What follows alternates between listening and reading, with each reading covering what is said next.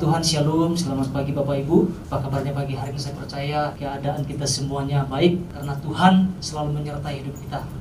Haleluya. Pagi hari kita akan belajar bersama-sama Apa yang menjadi pesan Tuhan Di dalam kehidupan setiap di dalam minggu ini Bapak Ibu.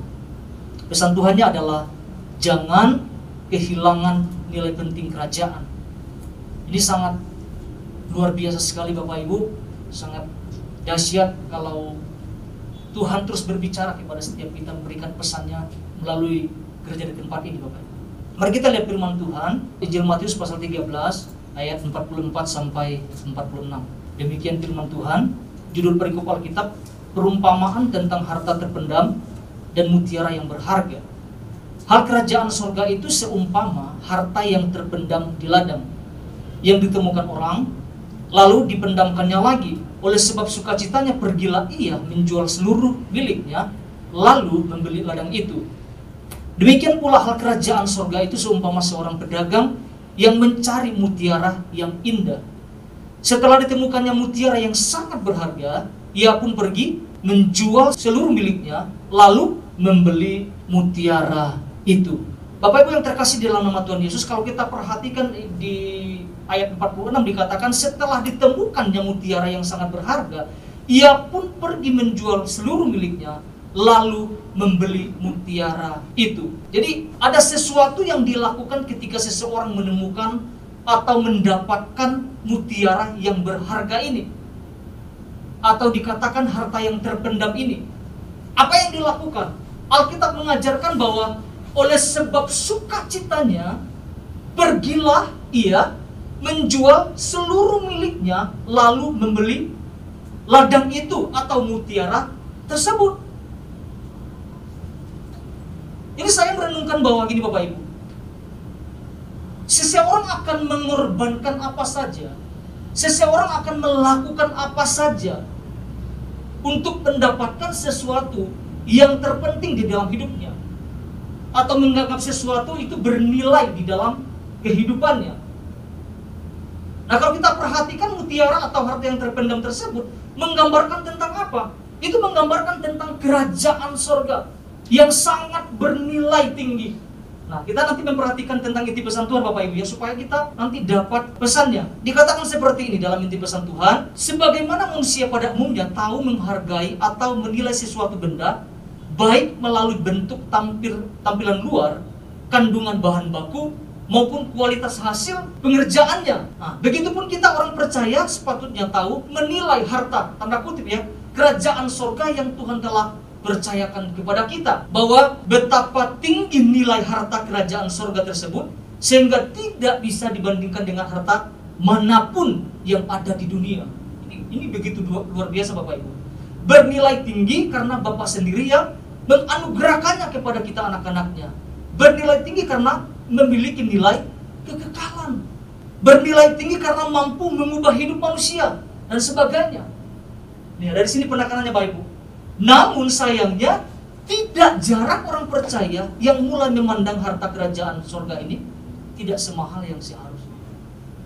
Ada lanjutannya dikatakan, prioritas terhadap hal-hal yang berkaitan dengan kerajaan surga jangan sampai tergantikan oleh suatu yang lain yang dianggap lebih jadi jangan sampai tergantikan oleh hal apa pun Bapak Ibu. Yang sesuatu menurut kita lebih bernilai daripada kerajaan surga ini.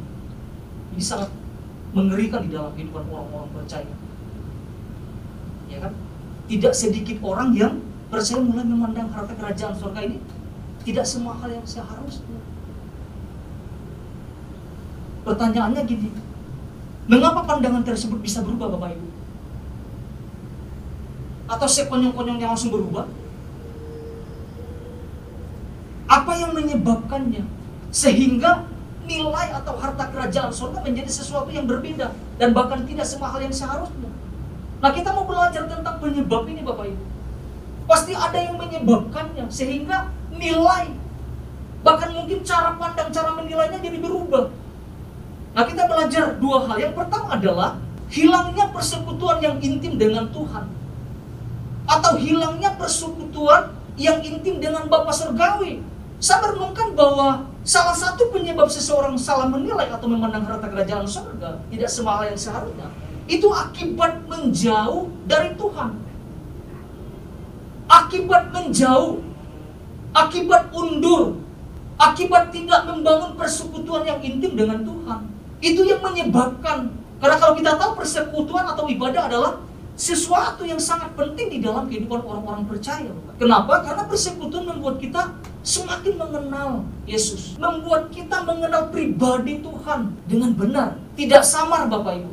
Tidak abu-abu. Karena kalau saya memperhatikan, saya suka menyaksikan tentang di YouTube, Bapak tayangan di YouTube. Ada orang-orang percaya, bilang mengenal Kristus. Ya kan? Sekolahnya pun sekolah tinggi, ya Alkitab teologi seperti itu. Tapi pengenalan akan Tuhan dangkal bisa meninggalkan Tuhan. Karena apa? Jauh dari persekutuan dengan Tuhan. Sekedar belajar saja, sekedar dapat gelar saja. Tapi tidak ada persekutuan yang intim yang dibangun. Makanya jadi samar ketika melihat sesuatu jadi samar, menilai sesuatu jadi samar. Jadi abu-abu. Kita sulit menilai sesuatu hal-hal yang bernilai tentang kerajaan. Kalau kita jauh, kalau kita nggak mendekat sama Tuhan, kalau kita tidak membangun persekutuan atau ibadah bersama dengan Tuhan. Hari-hari ini Bapak Ibu tidak sedikit orang meninggalkan Tuhan. Dan jauhi pertemuan-pertemuan ibadah. Mungkin lebih enak mungkin santai-santai saja atau berdiam diri. Mungkin harus dipaksa-paksa, ayo ikut ibadah, ayo persekutu dengan Tuhan. Ayo bangun keintiman dengan Tuhan. Mungkin sampai dipaksa-paksa Bapak Ibu.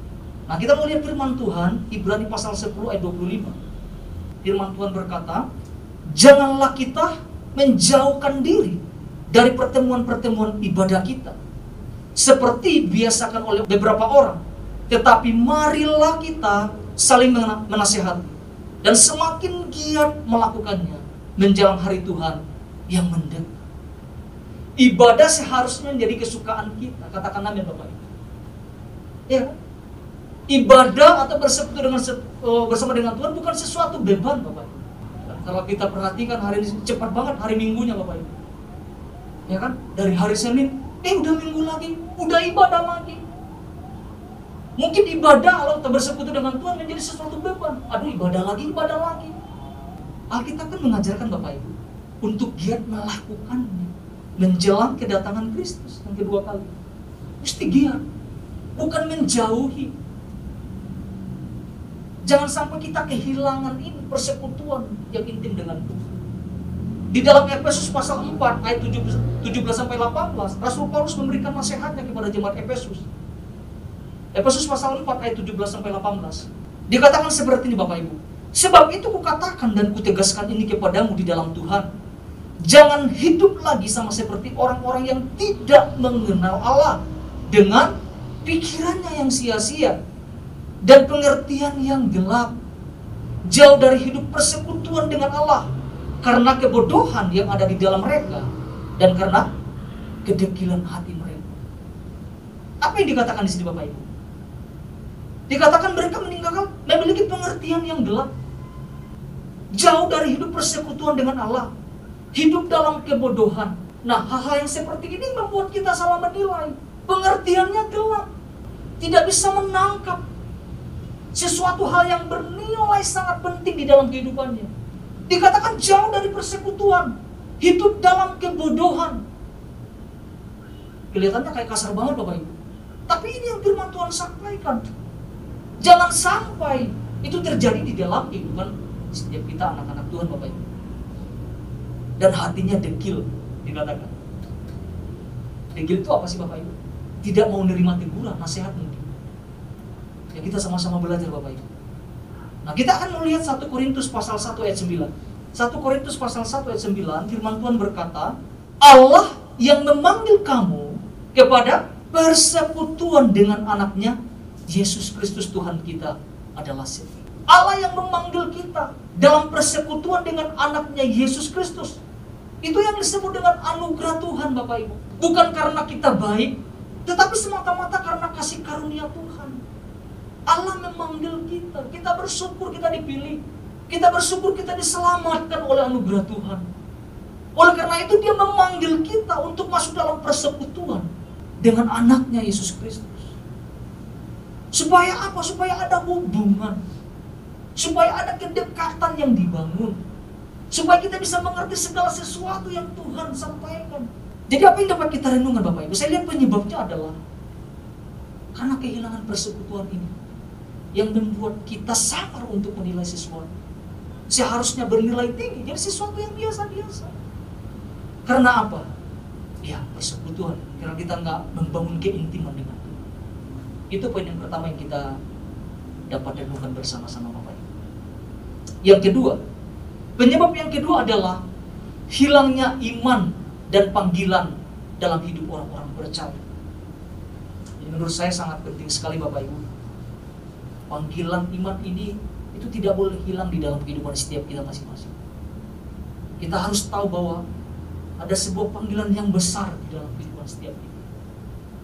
Tuhan yang pilih kita. Tuhan pun yang memperlengkapi kita dengan kuasanya. Mari kita lihat firman Tuhan Ibrani pasal 10 ayat 34 sampai 35. Nanti kita akan lompat ayat Bapak Ibu 38 sampai 39. Kita akan baca 34-35 dulu.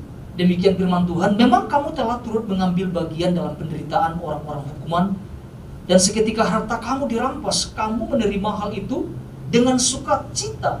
Sebab kamu tahu, ini saya suka kalimat ini Bapak Ibu. Sebab kamu tahu bahwa kamu memiliki harta yang lebih baik dan yang lebih menetap sifatnya. Nah kita akan pelajari nanti ini Bapak Ibu bahwa kamu memiliki harta yang lebih baik dan yang lebih menetap sifatnya. Artinya kekal Bapak Ibu. Kemarin Bapak Gimbara sempat uh, singgung tentang Roma pasal 14 ayat 17. Dikatakan sebab kerajaan Allah bukanlah soal makanan dan minuman, tetapi soal kebenaran, damai sejahtera dan sukacita dari Roh Kudus. Inilah harta yang yang yang baik, yang menetap sifatnya dikatakan kebenaran Allah damai sejahtera Allah dan sukacita Roh Kudus. Ayat 35 dari Ibrani. Dikatakan, sebab itu janganlah kamu melepaskan kepercayaanmu. Ini kuncinya Bapak Ibu. Janganlah kamu, kata jangan itu apa Bapak Ibu? Kata janganlah kamu melepaskan kepercayaanmu karena besar upah yang menantinya. Nanti kita lihat upah apa Bapak Ibu ya ayat 38 39 kalau Bapak Ibu. Tetapi orangku yang benar akan hidup oleh iman. Dan apabila ia mengundurkan diri, maka aku akan tidak berkenan kepadanya.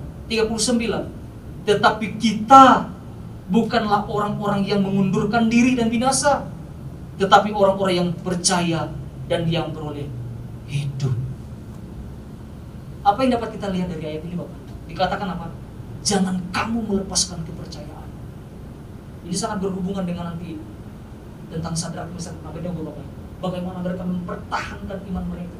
Tidak menggantikan sesuatu yang sifatnya tidak kekal. Ada sesuatu yang harus dibayar. Ya kan? Dikatakan janganlah kamu melepaskan kepercayaan Jangan sampai kita melepaskan iman kita kepada Kristus. Apa pun yang terjadi. Apa pun keadaan mungkin yang kita hadapi hari-hari ini. Jangan sampai. Karena itu membuat kita nanti salah menilai banyak hal. Ketika kita kehilangan panggilan, kehilangan iman kita kepada Kristus. Bagaimana kita bisa menilai sesuatu? Tidak punya iman kehilangan panggilan hidup di dalam kehidupan setiap kita. Kita pernah melihat orang-orang dulunya percaya Bapak Ibu, namun sekarang menjadi tidak percaya, tidak menjaga panggilan itu, tidak menjaga iman itu. Terus bertumbuh, terus ada di dalam kehidupan. Ini yang berbahaya Bapak. Jadi apa yang terjadi ketika seseorang melepaskan kepercayaan? Alkitab memberikan jawaban, orang itu tidak akan berkenan. Tidak ada upah yang dapat diterima. Upahnya apa Bapak Ibu? Tentang kekekalan ini tentang keselamatan yang Tuhan berikan atau anugerah kepada orang-orang yang meninggalkan panggilan dan iman. Kita mau belajar tentang ini Bapak Ibu tadi saya sudah bilang tentang Sadrak Mesak dan Abednego di mana mereka harus mempertahankan iman mereka ketika mereka disuruh harus menyembah patung. Patung tidak menyelamatkan. Patung tidak punya nilai apa pun Bapak Ibu. Patung itu tidak bersifat kekal, tidak bisa menyelamatkan hidup seseorang. Makanya ketika saya merenungkan itu, mempelajari tentang kehidupan iman dan sadar itu, saya melihat bahwa iya ya, kalau orang ngerti tentang sesuatu harga, tentang sesuatu yang bernilai tinggi, apa pun resiko yang dihadapinya, dia akan terima. Bayangkan dimasukkan ke dalam dapur perapian, itu tuh bukan soal yang gampang. Itu tidak gampang. Jangankan ngomong tentang dapur perapian, kecipratan minyak minyak goreng saja kita sudah teriak-teriak. Ini dimasukkan. Itu pilihannya. Mau percaya atau memang sifatnya yang, ke, yang kekal atau tidak. Saya lihat tentang tentang konsep ini. Bahwa memang ada harga dikatakan dalam konteks oh, dasar firmannya yang kita renungkan dalam hati Ketika orang menemukan sesuatu yang bernilai, dia akan lakukan sesuatu, mengorbankan sesuatu, menjual segala harta miliknya lalu membeli itu kan sesuatu yang berharga itu. Jadi jangan sampai tergantikan oleh apa pun di dalam kehidupan setiap panggilan Tuhan. Iman itu harus ada di dalam kehidupan setiap kita Bapak Ibu. Jangan sampai hilang. Nanti kita bisa salah menilai banyak hal. Kita bisa lihat kehidupan sahabat Mesa mereka tidak menggantikan sesuatu yang yang sifatnya tidak kekal. Resikonya kematian, biarin saja. Yang jelas adalah mereka tetap punya iman, punya panggilan dalam Jadi saya merenungkan ini Bapak Ibu. Ada banyak hal yang membuat kita sebenarnya menyebabkan orang-orang percaya salah menilai tentang harta kerajaan surga ini. Karena hubungan yang jauh dari karena juga panggilan yang jauh kehilangan iman dan panggilan di dalam Tuhan. Dari pagi hari ini kita bersama-sama renungkan dua hal ini Bapak Ibu tentang dua penyebab ini. Sehingga kita tidak salah menilai tentang harga atau harta yang sangat bernilai ini. Tentang pribadi Yesus di dalam hidup, tentang kerajaan Allah di dalam kehidupan setiap kita. Tuhan Yesus memberkati.